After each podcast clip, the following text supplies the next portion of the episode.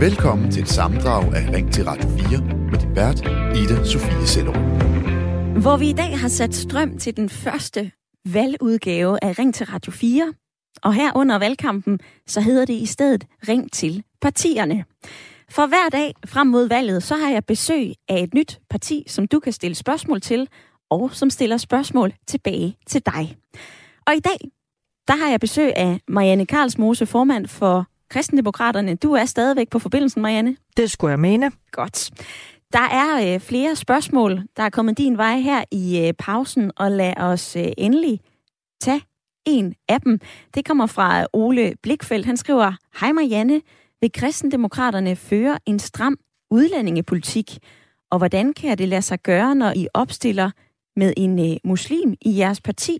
Hvordan implementerer man de værdier, som jeres muslimske kandidat har i kristendemokraternes politik? Ja, tak for et godt spørgsmål. Jeg vil sige, at vi står for en fast og fair udlændingepolitik. Og den faste, der ligger jo i, at vi godt ved, at det ikke lige meget, hvor mange vi får ind i landet. Der, der er en grænse for det. Jeg bryder mig ikke om at bruge ordet tilstrømning, for det synes jeg ikke er dækkende for den situation, vi er i. Men uh, der skal selvfølgelig stilles nogle forventninger. Vi vil gerne have mere udenlandsk arbejdskraft, og uh, det skal kombineres med en massiv indsats i forhold til dansk undervisning. Det er en del af vores 2030-plan.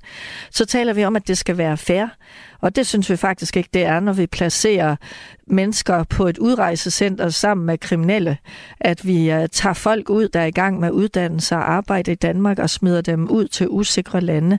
At vi uh, splitter familier ad. Det kan være danskere, der forelsker sig i en udlænding. Men det kan også være mennesker, der kommer til Danmark, at vi splitter familier ad.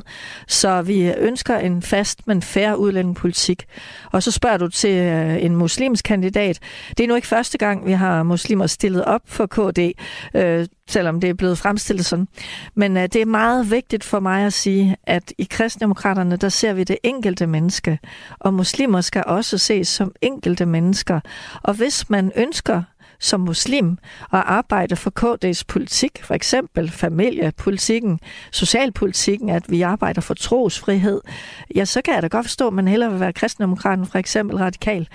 Øh, så vi tager selvfølgelig og forholder os til, hvad det er for nogle kandidater, og så er det altså et politisk parti, og ikke hvad man, man tror på sådan på det lodrette plan, som jeg plejer at sige. Mm-hmm. Og mens du lige hoster af, øh, Marianne, så i forlængelse af det her, så er der også kommet et spørgsmål fra mig, Britt Schulz, som har skrevet på Facebook. Hvordan vil øh, kristendemokraterne så stille sig i spørgsmålet om, hvorvidt vi skal eksportere vores andel af flygtninge til Rwanda? Det er vi imod. Vi synes ikke, at det er i overensstemmelse med det menneskesyn, vi har og synes, Danmark skal stå for, at vi sender mennesker til et land som Rwanda. Vi må kunne øh, håndtere vores øh, flygtningeudfordring i fællesskab i, i øh, Europa. Og så vil jeg også lige have lov at sige, at når de borgerlige partier, i hvert fald ude på højrefløjen, den yderste af den, taler om at hjælpe mere i nærområderne, så synes jeg, at det er så dobbeltmoralsk, at de samtidig vil skære markant i ulandsbistanden. Der hopper kæden jo af. Så uh, nej til et udrejsecenter i Rwanda, og ja til, at vi uh, skaber mere udvikling, og både for, for uh, de afrikanske landes skyld blandt andet, men jo også som en forebyggelse af flygtningestrømme. Det ligger mere i tråd med det menneskesyn, vi står for i kristendemokraterne. Mm-hmm. Et opfølgende spørgsmål til, på det, det vil vel koste lidt ekstra penge? Ja, vi har sat 2 milliarder kroner af i 2030-planen til ekstra ulandsbistand, og vi ser jo også, at hele sikkerhedssituationen ændrer sig markant. Derfor er vi også med i forsvarsaftalen, og der skal sikkerhed tænkes både militært, men jo også bredere end det. Det vil sige, at ulandsbistand jo også er en form for sikkerhedspolitik, som vi ser det. Og øh, fra Gentofte, der har Marianne ringet ind. Hvorfor har du det, Marianne? Og velkommen til.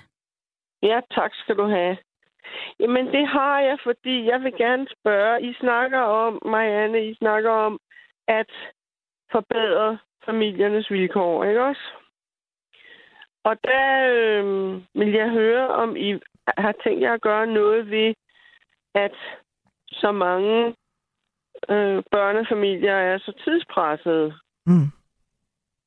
Øh, altså, jeg oplevede for eksempel, da jeg var gravid med mit tredje barn, at mange af mine kollegaer sagde, at det ville vi også bare så gerne, men vi synes ikke, vi har overskud til det. Og det, de mente der, var ikke, var ikke penge, det var tid. Ikke? Mm. Og det er rigtig Så jeg vigtigt. oplever i hvert fald i min omgangskreds, at den, den, den mest tidspre, tidspressede gruppe i Danmark, det er børnefamilierne. Marianne Karlsmose, ordet er dit. Jeg er 100% enig, og jeg kæmper selv for, at det ikke er børnefamilierne, der skal presses op i tid for at løse vores mangel på arbejdskraft. Vi ønsker at give mere frihed til familierne, så man for eksempel har mulighed for at hjemmepasse sine børn, hvis det er det, man ønsker, at man har mulighed for deltid. Vi ser jo for eksempel sygeplejersker, der har mange nattevagter, at øh, der er et pres for, at de skal op på fuld tid. Og der vil vi hellere skaffe det ekstra arbejdskraft ved at investere massivt i psykiatrien, så mennesker med psykiske sygdomme får en langt hurtigere og bedre hjælp, så de helt eller delvist kan komme tilbage på arbejdsmarkedet, og selvfølgelig først og fremmest for at skabe værdighed. Og så savner jeg jo i den grad, at man er bevidst om, hvor ufattelig mange timer pårørende bruger i det her land på at kæmpe for den rigtige behandling. Der er jo også en enorm masse arbejdskraft, der kunne frigøres der. Så det er ikke børnefamilierne, der skal presses op i tid. Vi skal eh, derimod tænke meget mere livsfaser. Altså min yngste er lige taget på efterskole, og det gør jo, at jeg har jo en helt anden hverdag nu, end jeg havde, da de var små. Øh, så vi har en, en række til tiltag, hvor vi, uh, hvor vi prioriterer det, at give børnefamilierne mulighed for at komme ud af det hamsterhjul, som alt for mange simpelthen halser rundt i, desværre. Mm-hmm. Og for, for os starter børns trivsel jo i hjemmet med, at man netop ikke hænger i en klokkesnor hele tiden. Altså, du nævner et konkret eksempel her. Det skal være muligt for, at man øh, blandt andet kan hjemmepasse. Altså helt konkret, er, hvilke andre tiltag er det, I vil se på, hvis vi skal skære noget ud i pap? Ja, altså for os, der vil vi give ret til deltid og ret til fuld tid, og, og det er jo ikke på samme tid, men altså med det mener jeg, at hvis folk ønsker fuld tid, så skal man have mulighed for det. Og hvis man ønsker deltid, så skal man også have mulighed for det. Altså vi tager udgangspunkt i den enkeltes behov. Vi, vi bliver meget kasseorienteret og tænker sådan meget øh, firkantet om det, både at være børnefamilie og det og også øh, pensionsalder, og det har at gøre med, hvor mange år man har været på arbejdsmarkedet. Der vil vi jo rigtig gerne over og lytte til, hvad er det, den enkelte familie har brug for. Og så er den gode arbejdsgiver jo den, der giver mulighederne for, at man kan få familieliv og arbejdsliv til at gå op i en højere enhed. Øh, så har vi også nogle forslag i forhold til det med, med det gode arbejdsmiljø, at man i vagtplanlægningerne, for eksempel på et hospital, skal ind og tænke langt mere offensivt i forhold til det med, med trivsel. Løn er selvfølgelig også et vigtigt parameter, men jeg hører ligesom lytteren, der vist også hedder Marianne, at, øh, at der er rigtig meget andet end penge, der også betyder noget for, at vi trives som mennesker. Og det er jo lige præcis derfor, jeg er kristendemokrat. Fordi vi, vi tænker mennesket før asfalt og mursten og hvad vi ellers kan nogle gange bruge pengene på. Ikke? Men altså, når vi tænker øh, mennesket før mursten og asfalt og alt muligt andet, jamen jeg synes jo, det er prisværdigt, Marianne, men hvordan pokker finansierer vi alle de her ting? Ja, vi har jo i en 2030-plan lagt en finansiering frem, og der er blandt andet noget af det, vi skærer på, det er jobcentrene. Ikke at vi afskaffer dem helt, for vi har stadigvæk brug for at give mennesker, der ikke er i arbejde, en hjælpende hånd. Men alt det kontrol, mistillid, der er blevet skabt af mennesker, der har en forestilling om, at der er rigtig mange, der ikke gider arbejde. De har jo indført en enorm byråkrati, og så hører jeg, at der er nogen, der har bevæget sig der. Så mener vi, at øh, vi vi skal holde lidt mere igen med skattelældelserne, end mine borgerlige partikollegaer mener.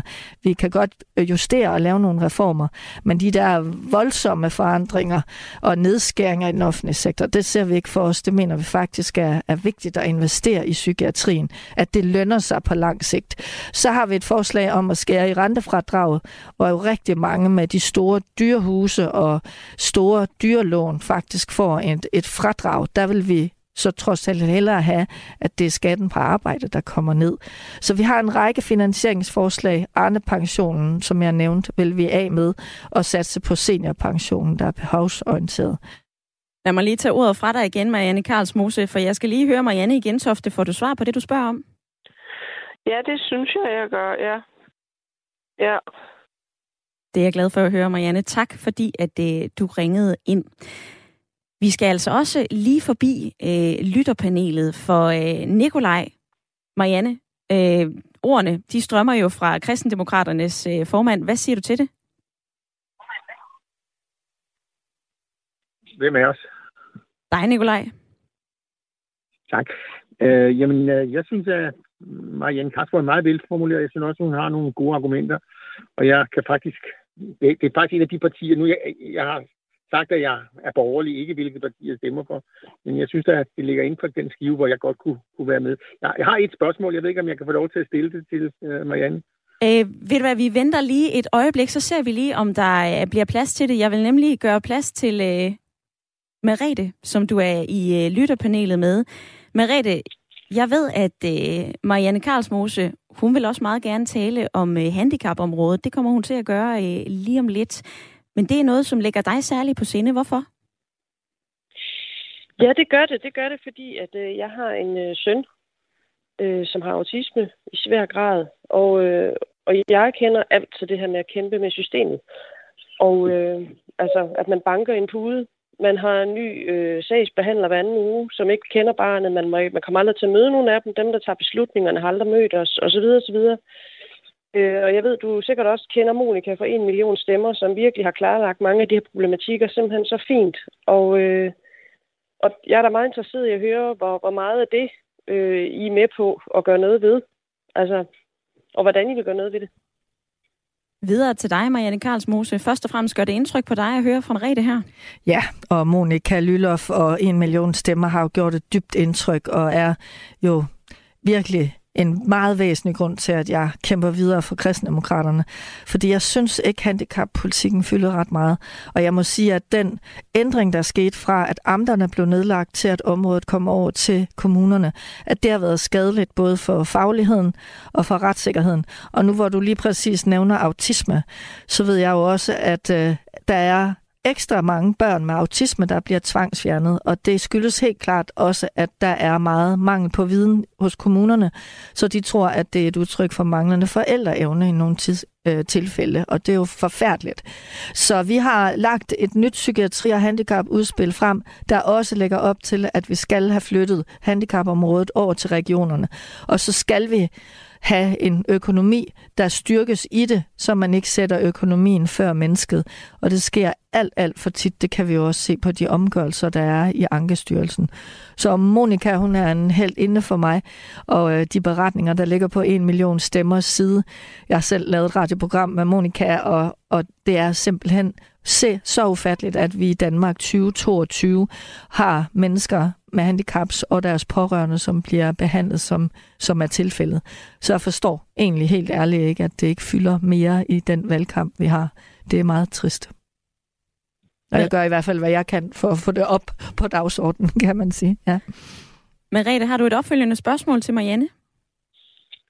Nej, men jeg er glad for det, hun siger, og jeg tænker lidt, når du siger, at du forstår ikke, det ikke fylder mere, jeg tænker, det har rigtig meget at gøre med, at alle os, der står i det, har jo ikke overskud. Altså, vi har ikke, vi er brugt. Vi er knækket, vi er nede. Altså, der er jo ikke, der er ikke mere at hente. Hvor skal vi gå hen? Jeg forstår ikke, Monika har lidt overskud. Hun har. Jeg er også virkelig dybt imponeret, så jeg synes, det er så fantastisk, at hun kæmper den her sag så vildt. Så øh, mere af det. Giv hende endelig noget mere tid i radioen, by the way. Yes, jeg er så enig. Altså, hun er virkelig en helt inde, og det er jo også så stærkt at høre hendes historie, hvordan hun som jurist endda også har skulle kæmpe med systemet. Og de fleste af os er altså ikke jurister. Så øh, den ulighed og helt ufattelige kraftanstrengelse, der skal ligge i både at have en hverdag med, med anderledes udfordringer, og så også skulle råbe systemet op. Og det, det er jo også derfor, at jeg gerne vil være en million stemmers øh, stemme inde på Christiansborg Øh, jeg synes, den mangler, og de fortjener meget mere opmærksomhed.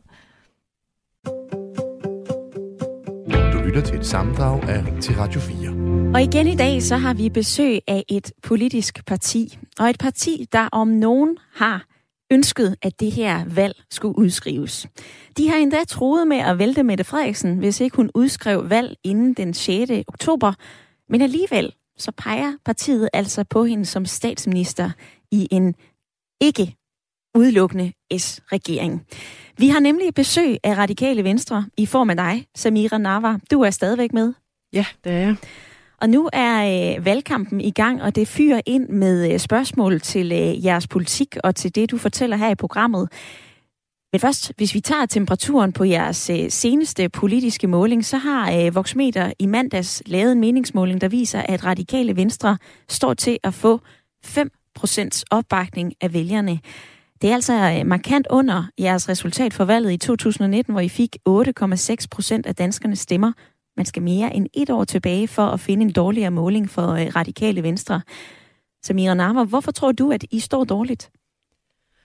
Og altså, øh, jeg tror, der er sket mange ting omkring vores parti, og vi er i en, øh, i en situation, hvor der er rigtig mange partier frem mod folketingsvalget. Øhm, men, men det, jeg egentlig øh, selv tænker om det, det er, at nu, nu er der de meningsmålinger, de er, som de er, og min opgave som politiker og øh, alle mine kollegaers opgave, alle os radikale, der er på gader og stræder, det er jo egentlig at tale om vores politik og formidle den, øh, tale med borgerne øh, og vælgerne, og, øh, og så på den måde forhåbentlig forvent øh, de meningsmålinger. Men det går jo lidt op og ned i politik, og som du også selv beskrev, især for radikale venstre, der er det lidt frem og lidt tilbage. Og lige før øh, nyhederne, der stillede du, Samir Narva, et øh, spørgsmål, som Cecilie i lytterpanelet kunne øh, nå at svare på. Vi skal også lige have dig, Kasper. Du skal også have mulighed for at svare på spørgsmålet fra Samir Narva.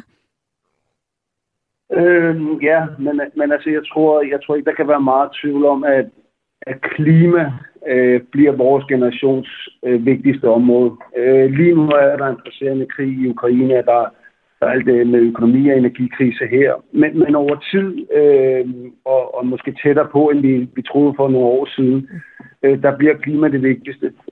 Øh, jeg synes, det vigtige sådan en, i, i forhold til klima og tage det seriøst, det er, at man sætter nogle realistiske mål, og man gør det over en bred kamp. Altså, at man, at man laver et arbejdsrum, hvor man tager partier fra den yderste venstrefløj til den yderste højrefløj, og så sætter man sig ned og laver konkret politik.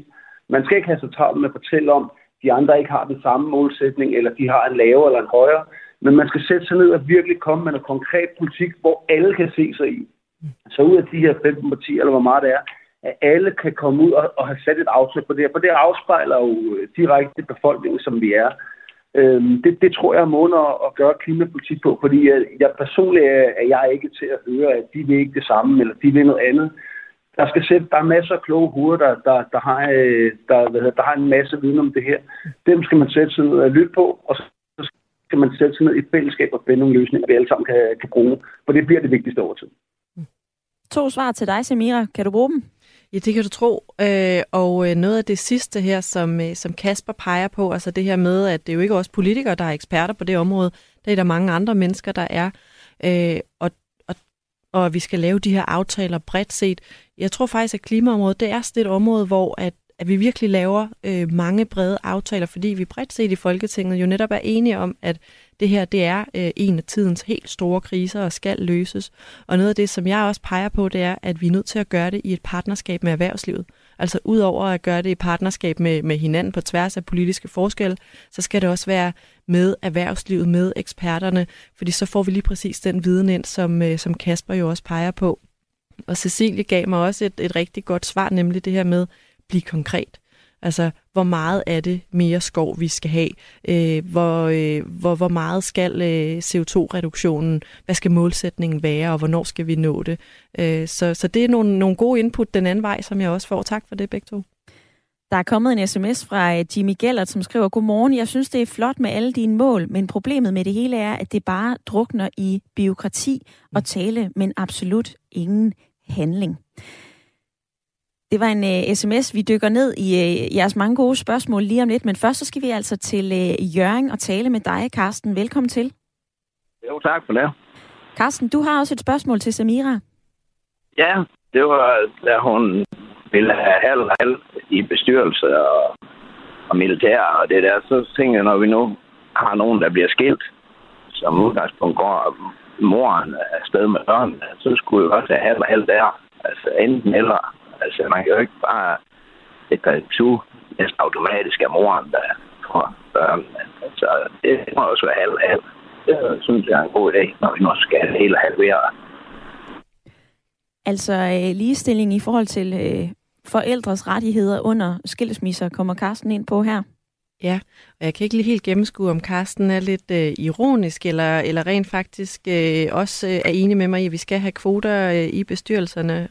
Men, øh, men jeg kan lige svare i forhold til det med skilsmisserne i hvert fald.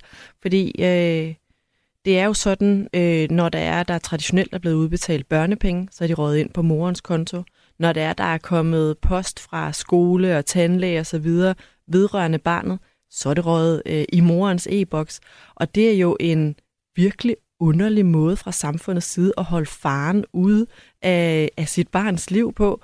Øh, og det er heldigvis noget, som vi har fået rettet op på, og som jeg også personligt har kæmpet rigtig hårdt for, at vi kunne få ændret. Så nu rører digital post vedrørende barnet både i far og mors digital postkasse, og nu er det sådan med børne- at halvdelen rører ind på morens konto, og halvdelen rører ind på farens konto.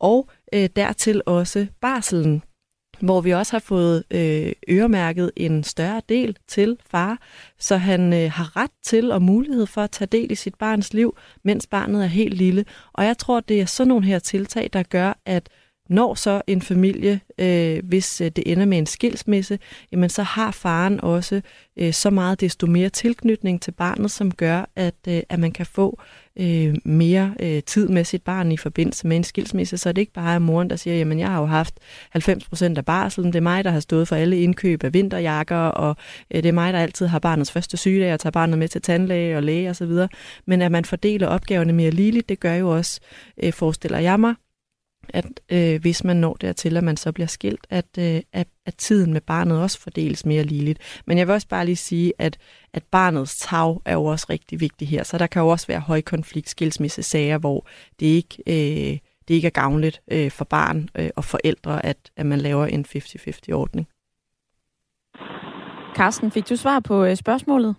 Nej, det gør jeg ikke, fordi altså, jeg kører sammen med mange. Jeg har nu aldrig nogensinde oplevet nogen, hvor en mand har taget børn og rejst. Altså, det, de går automatisk til konen, ikke? Og som jeg siger, det er jo varm luft, som sædvanligt, ikke? Det, det, det, det er jo ikke noget mere om børnepenge, eller om man har fælles, fordi der er mennesker, der slet ikke har barsel. Den dame, vi har i studiet i dag, har jo fuldstændig tabt. Jeg har aldrig nogensinde haft barsel. Jeg har en lille øh, grænforretning. Jeg kører lastbil. Jeg er selvstændig. Hvor fanden skal jeg gå hen og få nogen til at køre i to måneder i min lastbil? Det stikker jo helt af. Vi giver ordet til dig, Samir Nava. Ja, øh, og det er faktisk lidt en udfordring, det her med at være selvstændig og så også gerne vil være forældre. Øh, det har vi heldigvis også fået gjort noget ved ved at lave den her barselsfond for selvstændige, sådan så det faktisk er en mulighed, at man også kan øh, gå på barsel øh, og samtidig også øh, have sin forretning. Men jeg er med på, at, at det måske er noget tid siden, at, øh, at Karsten her har fået barn, og reglerne har set anderledes ud. Men fremtiden den byder på mere ligestilling mellem kønnene, også i hjemmet og de opgaver, der handler om øh, tilknytning til barnet. Jeg synes faktisk, jeg bliver ret konkret her. Det ikke bare er varm luft. Altså, det er jo en, en børne-unge-ydelse, der går ind øh, halvdelen på fars konto, halvdelen på mors konto. Det er jo konkret, når jeg siger, at der er noget digital post, som, som far nu også bliver oplyst om. Hvornår er det egentlig, min, øh, min datter eller søn skal til tandlæge, øh, sådan så man faktisk kan træde ind og netop være, øh, være far og forældre for sit barn. Vi siger tak til øh, dig, Karsten, fordi at du ringede ind på Du lytter til et sammendrag af Ring til Radio 4. hvor vi i dag har besøg af dig, Inger Støjberg, formand for Danmarksdemokraterne. Du er her fortsat. Ja, det er. Du er her for at øh, tale og lytte til de spørgsmål, som øh, kommer fra øh, alle de gode folk, der ringer ind. Og jer, som øh, sidder og lytter med lige nu, I kan altså spørge, I kan udfordre, I kan blive klogere på politikken i Danmarksdemokraterne. Og det fyrer ind med spørgsmål. Der er blandt andet kommet et fra Tina Goldberg, som øh, skriver, ikke at jeg er sønderligt interesseret i at stemme på øh, Danmarksdemokraterne, men det vil da være rart at høre, hvilken politik de har. Det har vi intet hørt om. Det har vi talt lidt om den første halve time, men øh, Tina hun skriver efterfølgende, kun kritik af regeringen er det, jeg hører, og at deres eneste ambition i dette valg er at få en borgerlig regering. Det er en besynderlig platform at stå på, men lad mig endelig høre, hvad I vil gøre ved miljøet, sundhedsvæsenet, uddannelsessystemet, velfærdssystemet, og som en ekstra detalje, hvordan er det overhovedet muligt for netop jer at kritisere Mette Frederiksen for lovbrud i betragtning af eget lovbrud?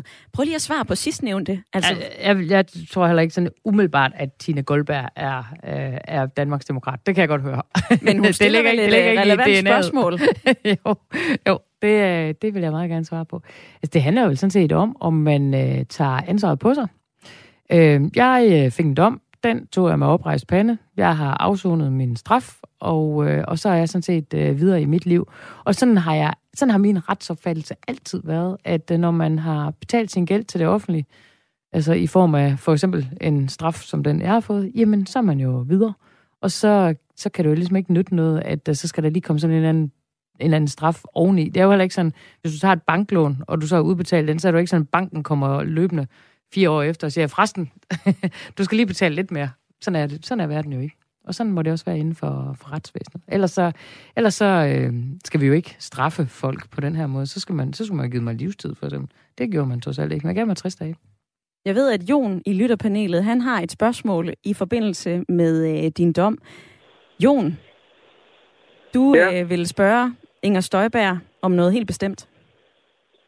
Ja, altså nu har jeg jo, øh, altså, I sige, jeg har jo tre, tre, fire spørgsmål, øh, øh, som ikke har noget at gøre med Ingers dom, for den er jo overstået. Jeg synes ikke, det er så interessant. Øh, jo, nå ja, okay, okay. Øh, øh, men jeg vil hellere, må jeg ikke hellere stille et spørgsmål, der har relation til den politik, som Inger vil føre i fremtiden? Må jeg ikke det, Ida sige? Ved du hvad, Jon? Jeg kan vil... høre, hvad jeg siger? Ja, jeg, jeg kan sagtens høre, hvad du siger, og øh, det er der altså tid til lige om lidt. Det, jeg fisker efter, og det er nok meget tydeligt, det er det, som vi to talte sammen i går, Jon. Altså, øh, om Inger Støjberg, hun har fortrudt, at øh, hun begik den handling, som øh, udløste den her øh, ubetingede dom. Hvis Jon, han øh, ikke lige er skarp på at stille det spørgsmål, så vil jeg gerne spørge dig, Inger. Ja. Er det noget, du har fortrudt?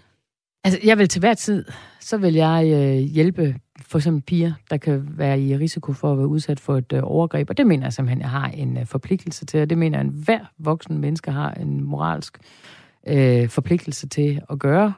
Men øh, hvis du spørger til, om jeg gerne ville have haft, øh, at øh, alle formelle krav var overholdt, så er svaret da klart ja. Fordi jeg vil da ikke anbefale nogen overhovedet at skal 60 dage i øh, fængsel og, øh, og blive smidt ud af Folketinget. Det, øh, det er jo ikke nogen sjov ting. Så du ser også den forpligtelse, selvom at det netop var et lovbrud? Ja, altså jeg vil til hver en tid øh, forsøge at redde mennesker, som øh, er i øh, altså for eksempel risiko for et, øh, et overgreb. Og ved du hvad, jeg sad jo med nogle af de her sager og så på den. Øh, for eksempel, så er der en pige, da hun kommer hertil, så er hun godt nok 17 år. Og manden, han er 28. Og så er der jo mange, der vil sige, jo jo, men det er jo ikke helt unormalt, vel? Altså, der er jo mange 17-årige piger, der har haft en kæreste, der er, der er 10-11 år ældre. Problemet var bare i den sag, at hun var blevet gift som 12-årig med sin fætter, og havde fået sit første barn som 13-årig, og det næste barn 13 måneder efter. Der er simpelthen ingen, der skal bilde mig ind, at hun selv havde valgt det fra begyndelsen. Og det var det, jeg ville give hende en mulighed for at reflektere over. Og det var derfor, jeg ønskede at få dem adskilt, så de kunne få en tænkepause, så hun kunne få fred fra ham og tænke over det. Hvis det så var sådan efter noget tid, at hun besluttede sig for, at hun gerne ville være sammen med ham, så hun flytte tilbage til ham. Men hun skulle bare være klar over, hvad det var for et samfund, hun var kommet til, at her er piger, drenge, kvinder og mænd lige meget værd, og her kan man leve sit liv i frihed. Også selvom, at man for år tilbage blev tvangsgift med sin fætter, da man kun var 12 år. Det er jo det, er jo det Øh, og, og jeg kan godt forstå, når man bare lige ser de der sager udefra, at så kan det se virkelig nemt ud at sige, jo jo, hun var 17, og jeg var 28. Men det er jo hele historikken i det. Ved du hvad, den dag, hvor jeg læste det, at det vendte sig inden i mig. Jeg kunne slet ikke, jeg Og jeg kunne bryder jeg ind nu, ikke, ikke Inger, bære det. fordi at øh, lytterne, de står i kø, og vi skal til Kolding nu og høre fra øh, Per. Per, du er øh, medlem af Dansk Folkeparti. Det skal vi lige huske at nævne. Og du har et øh, spørgsmål til Danmarksdemokraternes forhold til EU. Ja, øh, hej Inger. Hej Per. Og, og tak for det, jeg lige måtte komme igennem. Jamen det er fordi Inger er tilbage, jeg tænker på tilbage i 1972, da vi meldte os ind i, i, øh, i det, der hed EF dengang. Ja. Der var det jo i virkeligheden en ganske udmærket idé. Vi havde jo det europæiske handelsfællesskab og så videre, og så videre. Tingene skulle være nemmere frem og tilbage over grænserne. Det, jeg synes, der kunne være interessant at høre fra dig af, det var, hvornår tænker du egentlig, det kommer lidt over med det her EU? Hvornår mister vi sådan faktisk en hel del af vores egen selvbestemmelsesret? Altså, jeg synes jo for eksempel, da den hele den sociale dimension kommer ind over, fordi jeg er meget for frihandel, øh, og jeg er meget for, at øh, varer og tjenestydelser og sådan noget kan, kan bevæge sig frit. Også fordi, hvis man, hvis man ser sådan, altså sådan helt reelt på det, vi har jo aldrig haft mere fred i Europa, som siden vi begyndte med at handle med hinanden og, og, og arbejde tæt sammen om, omkring sådan nogle ting. Men, men det er sådan den sociale dimension. Jeg kan ikke begribe, hvorfor at der skal, altså hvor, hvorfor EU skal bestemme, hvordan barselsårloven i Danmark for eksempel skal, skal fordeles imellem øh, forældrene. Det fatter jeg simpelthen ikke. Vil, vil det dermed også sige, at, at hvis du nu får lidt mere, hvad skal vi sige, lidt flere kræfter i den danske regering fremadrettet, at så vil du egentlig, hvad skal vi sige, arbejde os lidt tilbage mod den gamle model? Det, det, det er det, jeg vil arbejde for. Ja, altså jeg mener, jeg, altså, jeg drømmer mig jo tilbage til de, til de gode gamle EF-dage. altså, da, da, da, det var det, da det var den, den del, som du nu taler om, også altså med handel og sådan noget, da, da det var det, det hele det handlede om, og ikke om alverdens andre ting. Super. Jamen, så har jeg fået svar på det, ja. Det er så godt. Jeg lidt over. Super. Det er orden. Tak for det. Ja, hej.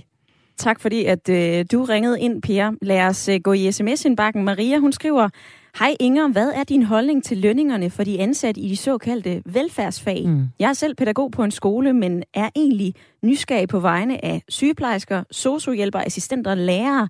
Vil I til gode se lønstigninger for at gøre disse fag mere eftertragtet i fremtiden?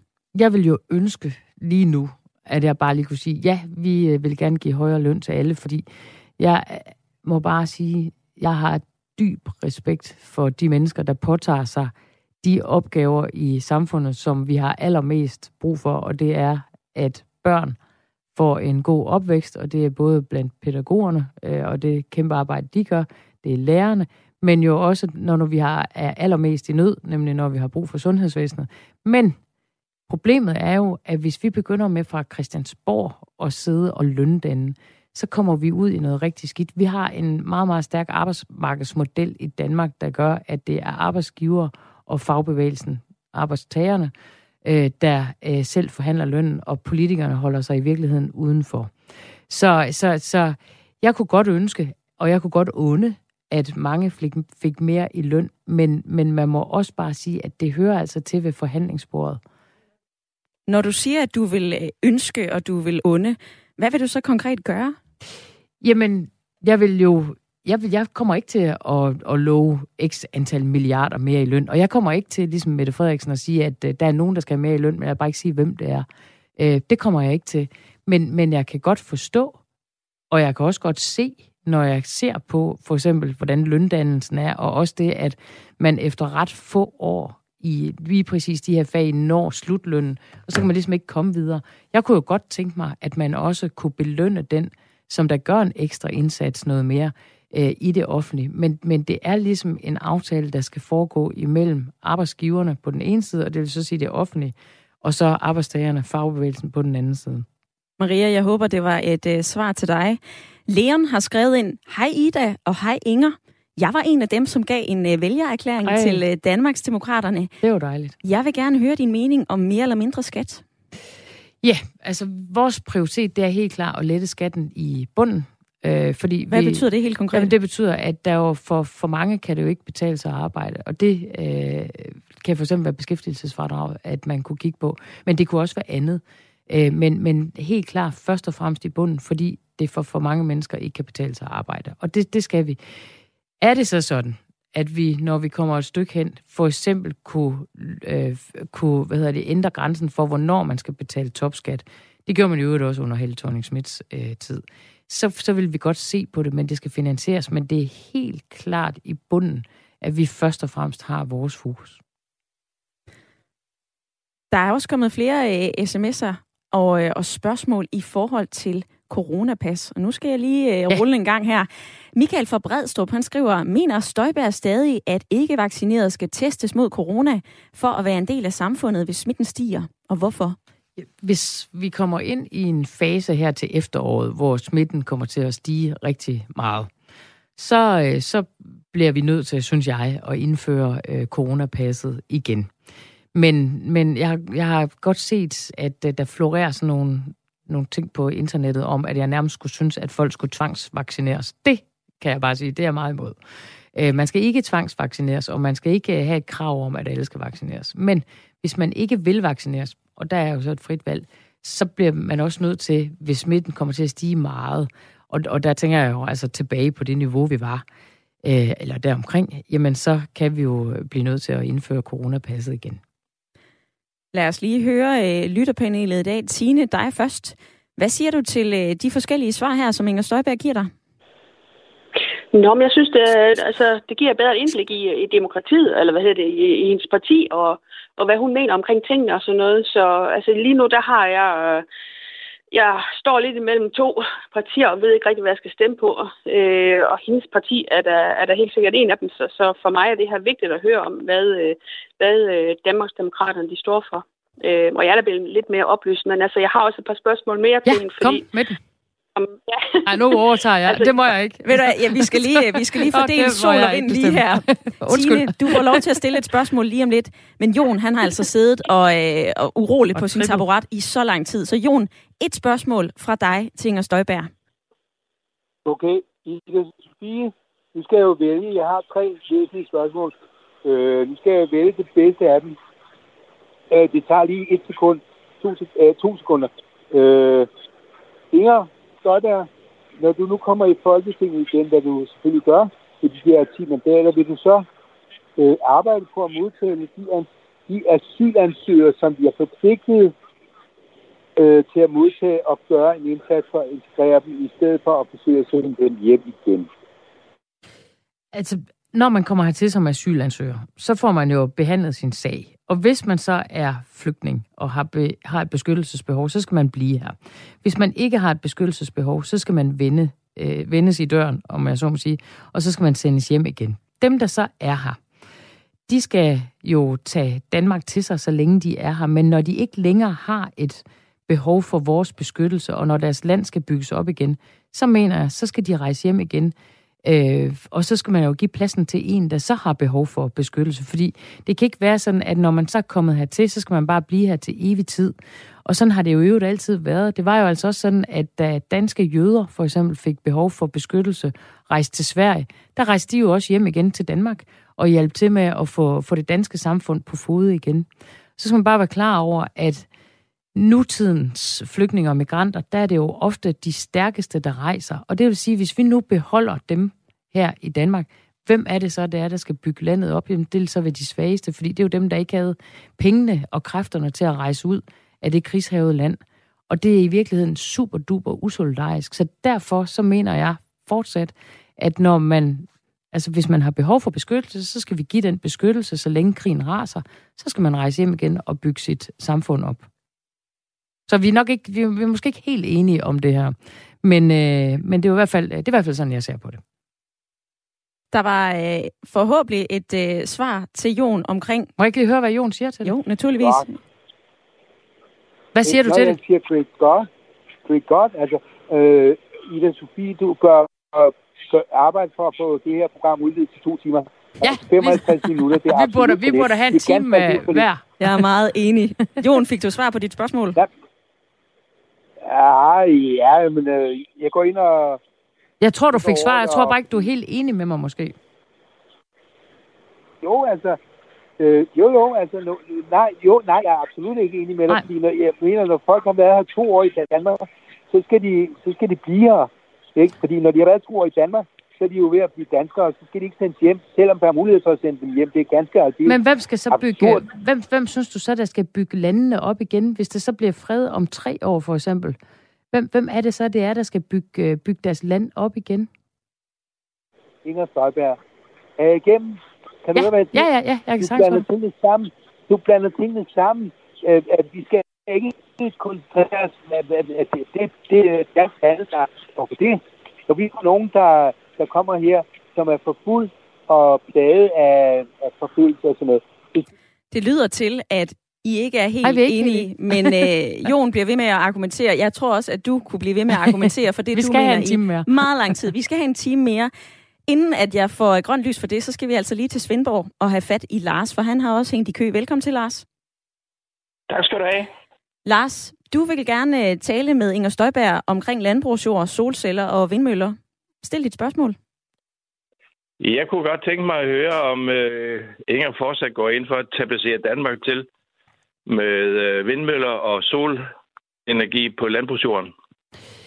Altså, hvis du spørger, om jeg synes, det pynter, så er svaret nej. Øh, jeg synes sådan set, at, øh, at vindmøllerne, de skal ud på havet. Jeg, jeg synes ikke, at... Øh, altså, vi får jo også mere ud af det ude på havet, og de generer altså mindre. Jeg kan godt forstå, hvis man er træt af det, hvis man bor meget tæt på, på sådan en, en kæmpe vindmøllepark. Øh, solcellerne, jamen altså, det landbrugsjord, som, som ikke... Jeg er jo selv født og opvokset på landet. Det landbrugsjord, som ikke for eksempel er rentabel, og som kan bruges til solceller, der har jeg ikke noget imod, at man, øh, man sætter solceller op. Men, men, øh, men jeg kan være lidt bekymret for, om vi øh, kommer til at tage for meget landbrugsjord ud øh, til det, fordi vi har altså også en fødevareproduktion, vi skal have, vi skal have i stand, og nu kan man se, hvor, hvor skrøbeligt det jo i virkeligheden er, øh, altså nu her med krigen i Ukraine, og hvordan, øh, hvordan øh, man, øh, man mangler korn øh, i store dele af verden. Så, øh, så, så altså, der, hvor det ikke er rentabelt, og hvor at det så vil give mening, det er jo ikke alle steder, det vil give mening at sætte øh, solceller op, der kan jeg så godt se øh, ideen i at, at bruge noget af landbrugsjorden til dem. Inger Støjberg, du, øh, jeg vil gerne lige bryde ind, for du siger, jamen, øh, de pynter ikke så meget, de skal ud på havet. Ej, er det ikke øh, vigtigere, at de netop gør en forskel? De men, hjælper med den grønne omstilling, jo, men, som du også går ind for? Men, men havvindmøller er jo faktisk rigtig, rigtig effektive. Det er jo derfor, man bygger de der store havvindmølleparker. Øh, de er bare lidt mere besværlige at bygge, og det tager jo noget tid at få det, få det til at... Ja, simpelthen at få det sat op, for at sige det som det er. Med, med de vindmøller og sol. Mener du, det er rentabelt at, at, at bruge det som vores hovedenergi i Danmark? Ja, altså, jeg mener, at det er en meget, meget vigtig del af den grønne omstilling. Så, øh, og, og derfor så øh, vil det jo være noget, der vil blive udbygget også i fremtiden. Hvad, hvad, hvad synes du, vi skal gøre i forhold til den grønne omstilling? Jeg mener en del. Jeg mener bare, at øh, sol og vind vil aldrig kunne nogensinde kunne øh, forsyne lille Danmark øh, kontinuerligt med, med strøm. Mm. Men altså... Det vil kunne lade sig gøre. Det vil aldrig kunne lade sig gøre. Så der skal være en anden base. Der skal være en hovedforsyningsbase, som ikke, som ikke skal være fossile, så ikke skal være kul og gas. Og hvad synes du så, det skal være? Kernekraft. Du er, du er simpelthen øh, kernekraftmand, ja. Ja, to, thorium, altså den, den nye form for thor, altså thorium, ikke uran. Ja, nej, nej, nej, ja, ja. Og nu bliver det igen teknisk. Inger, du har jo svaret på, at det der med ja. atomkraft, det er ikke noget, som Danmarksdemokraterne kommer til nej, at øh, gå nej, ind for. Så lad mig øh, springe til øh, et andet spørgsmål, som øh, vi har fået ind. Nu skal jeg lige vælge. Der er jo ufattelig mange gode. Altså, øh, Tommy fra Vestjylland, han skriver, jeg har ingen spørgsmål, bare et råd. Bliv ved med ikke at pege på en statsminister før valget. Vi er mange, der godt kan se en blå kvinde som næste statsminister. det var der jo mange af. Der, og... er mange, der er mange blå damer derude. og så skriver øh, Lars fra Skive, kan du ikke spørge Inger Støjberg, hvad hendes holdning er fremadrettet til at få afklaret, hvilke kriterier, der skal være til grund for, at man må opnå valg til offentlige embeder generelt. Hvilke domme må man have modtaget for at opnå et tillidsvalg til en øh, offentlig embede? Ja, det er jo helt sikkert, øh, fordi øh, Lars han har set, at der er den der forskel på, øh, hvis man er kommunalpolitiker og hvis man er folketingspolitiker.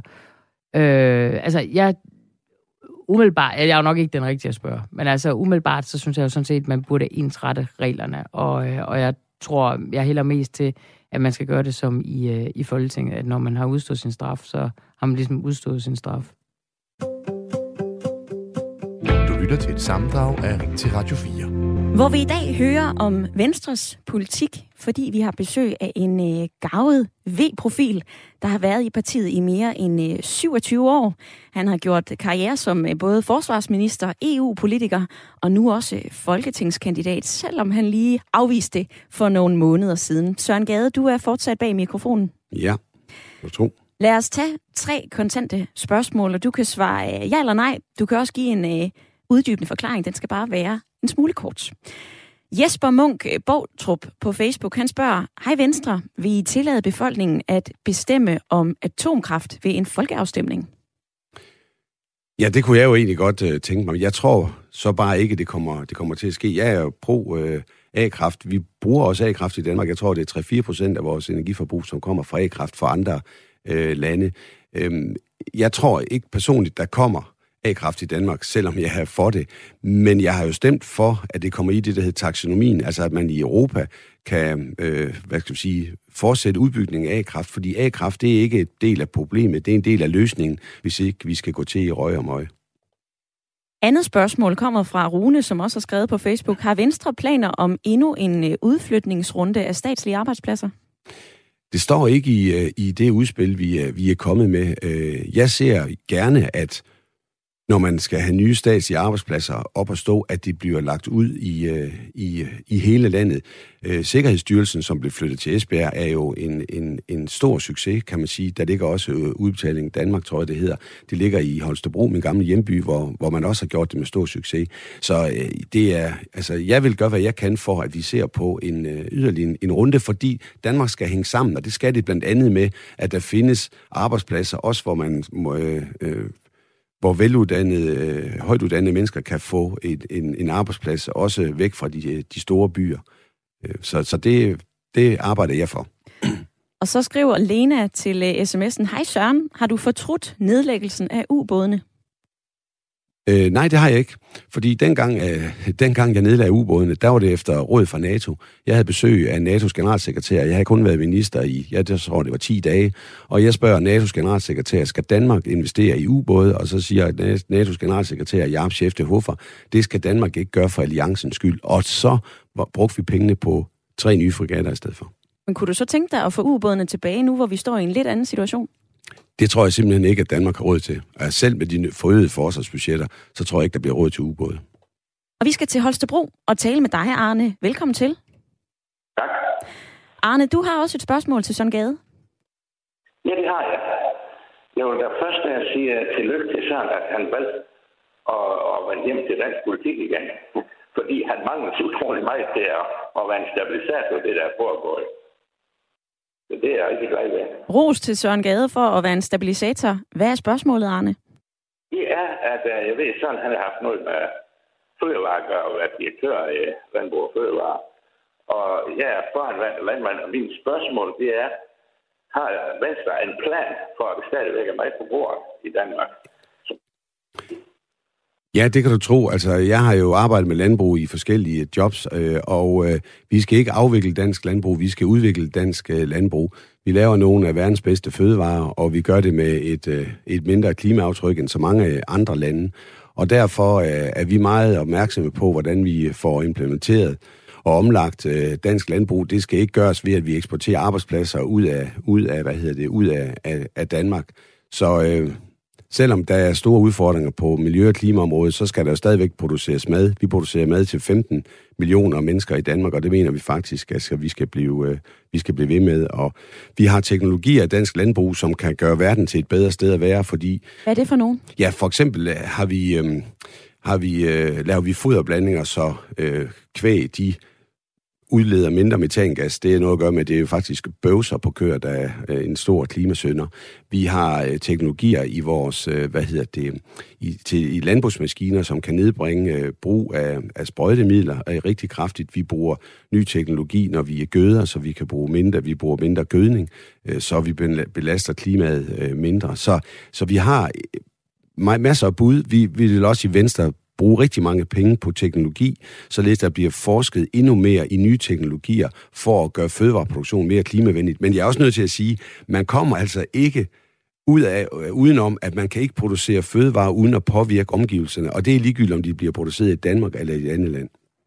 Søren Gade, du nævner jo lige, at vi her i Danmark er ret gode til at producere på en øh, lidt mere, hvad kan man sige, grøn måde eller bæredygtig måde. Der er flere eksperter uafhængige af hinanden, der øh, i information har fortalt, der er altså ikke belæg for at hæve at dansk landbrug er exceptionelt klimaeffektivt. Altså blandt andet øh, cheføkonom Ulrik Bæk fra Tænketanken Krake siger, vi har undersøgt ret grundigt, om dansk landbrug er bedre end andre, og vores analyse viser, at Danmark ikke er nogen klimaduks, når det kommer til landbrugets udledning, når man gør regnestykket færdigt og tager alle de udledninger med fra stald til tallerken. Altså, kan man både bede om mere landbrug, som I ønsker, dyrket jord, og så samtidig, som I også siger, gå forrest i klimakampen? Det kan man sagtens, og nu er det jo vigtigt at sige, at nu er det information, du fandt den kilde. Prøv at spørge nogle andre forskere i Jamen, andre jeg har aviser. faktisk andre, hvis ja. du vil høre det. Altså samme vurdering kommer fra ja. Michael Minder, programchef i den grønne tænketank Concito. Ja. Og øh, så er der altså også en, en anden, som, øh, som hævder sig på det her. Altså, når, når det netop siger, vi ser ofte, at de tilgængelige studier bliver brugt i en politisk debat til at sige, at Danmark ligger helt i front på klimaeffektivitet, så er det altså ikke, vi ligger på niveau med andre industrialiserede fødevarenationer. Godt så. Hvis, hvis jeg så jeg kunne finde en rapport, der viser, at vi gør det bedre. Det, de findes internationalt. Så lad os bare antage, at vi er på gennemsnittet. Hvis vi stopper med at producere til, med mad til 15 millioner mennesker, så kan jeg så spørge på en anden måde. Vil de 15 millioner mennesker så holde op med at spise? Nej, det vil de ikke. De vil købe deres mad et andet sted. Og det vil så betyde, at den udledning, man, laver, man får ved at producere mad i Danmark, den forsvinder i Danmark, men genopstår et andet sted. For jeg holder ikke op med at spise oksekød, fordi det ikke længere bliver produceret i Danmark. Og så vil udledningen så foregå i det land, hvor jeg så køber mit oksekød. Det er jo helt i orden, hvis man har et ønske om at nedlægge dansk landbrug, så sig det dog i stedet for. Lad være med at pakke det ind i, at nu skal der også nogle nye afgifter på, for det vil have den samme effekt. Så gå ud politisk og sige, vi ønsker en mindre fødevareproduktion i Danmark. Det gør vi ikke i Venstre, men det kan man jo godt have som politisk mål, men så have der mod til at sige det, i stedet for at pakke det ind i alt muligt. Og det er jo det, der jeg bliver lidt irriteret over.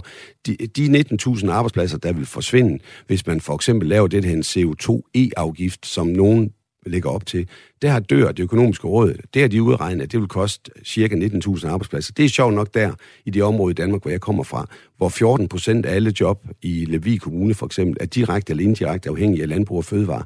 Der er også nogen, der skal bo derude, og de, der er nogen, der skal have noget at lave, og vi skal være stolte af de øh, fødevarer, vi producerer i Danmark, og derfor vil vi i Venstre udvikle dansk landbrug og ikke afvikle dansk landbrug. Jeg håber, det var et svar til øh, Arne, som ringede ind øh, fra Holstebro.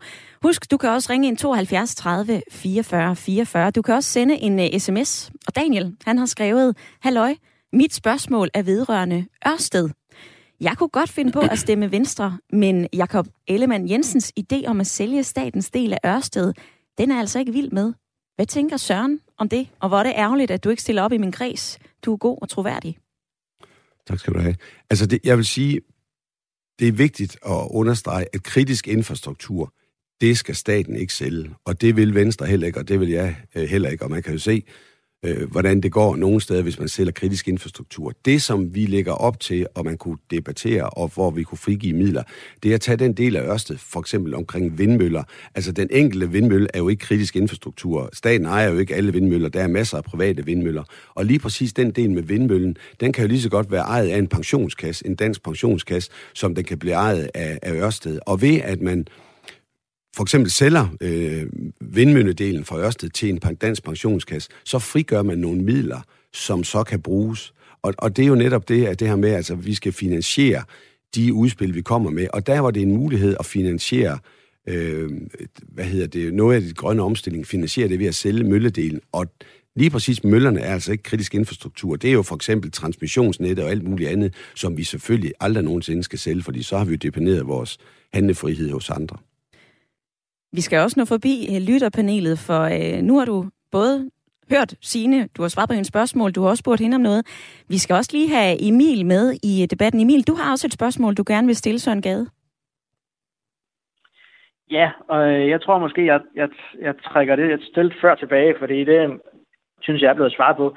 Og hvis jeg lige må komme med en lille overvejelse også, så synes jeg, at 20.000 i at fraskrive det i SU-gæld til lægerne, som i forvejen har en, en en okay løn.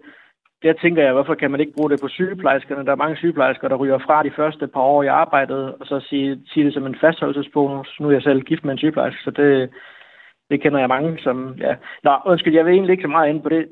Jeg har et andet spørgsmål. Drengene i folkeskolen, fordi nu er jeg jo øh, næsten færdig som folkeskolelærer, og også arbejdet der øh, før det. Så jeg har artikler tilbage fra 2010 og, og, og så tidligt som 2021, som alle sammen fortæller, hvordan at folkeskolen er skyld i drengens problemer, og at pigerne fortsat øger afstanden til drengene i folkeskolen.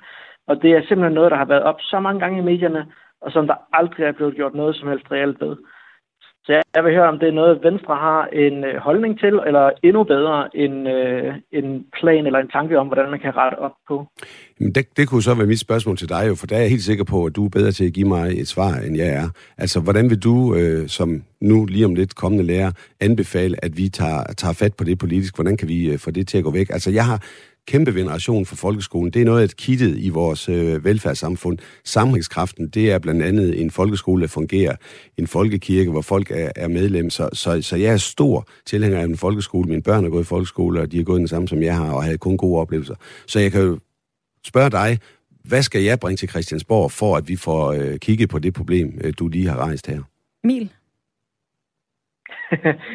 ja, jamen... Øh Jamen, jeg, jeg tænker umiddelbart, at øh, der skal være noget fokus på det i læreruddannelsen, øh, hvor at langt de fleste er kvinder, langt de fleste folkeskolelærer er jo kvinder, øh, og, og kunne, kunne, kunne bringe noget derind med nogle reelle værktøjer til, hvordan får man de her drenge med. For der er faktisk mange af dem, som, som bliver dømt til at have lidt meget, og det ser jeg ude i skolerne, de bliver dømt til at have lidt meget krudt i numsen.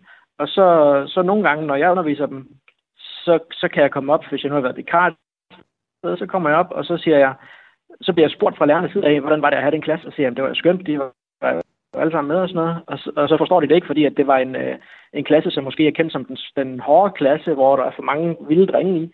Øhm, så jeg tror, at, øh, at, at kigge på selve undervisningen og den struktur, der er i undervisningen i folkeskolen, og se på, hvad, hvad er det egentlig drenge, de lærer af, og hvad er det, de motiverer sig af, øh, kan, man, kan man bringe noget mere af, af det ind, øh, frem for, for så meget ja, numse til sædeundervisning, hvis man skal kalde det det.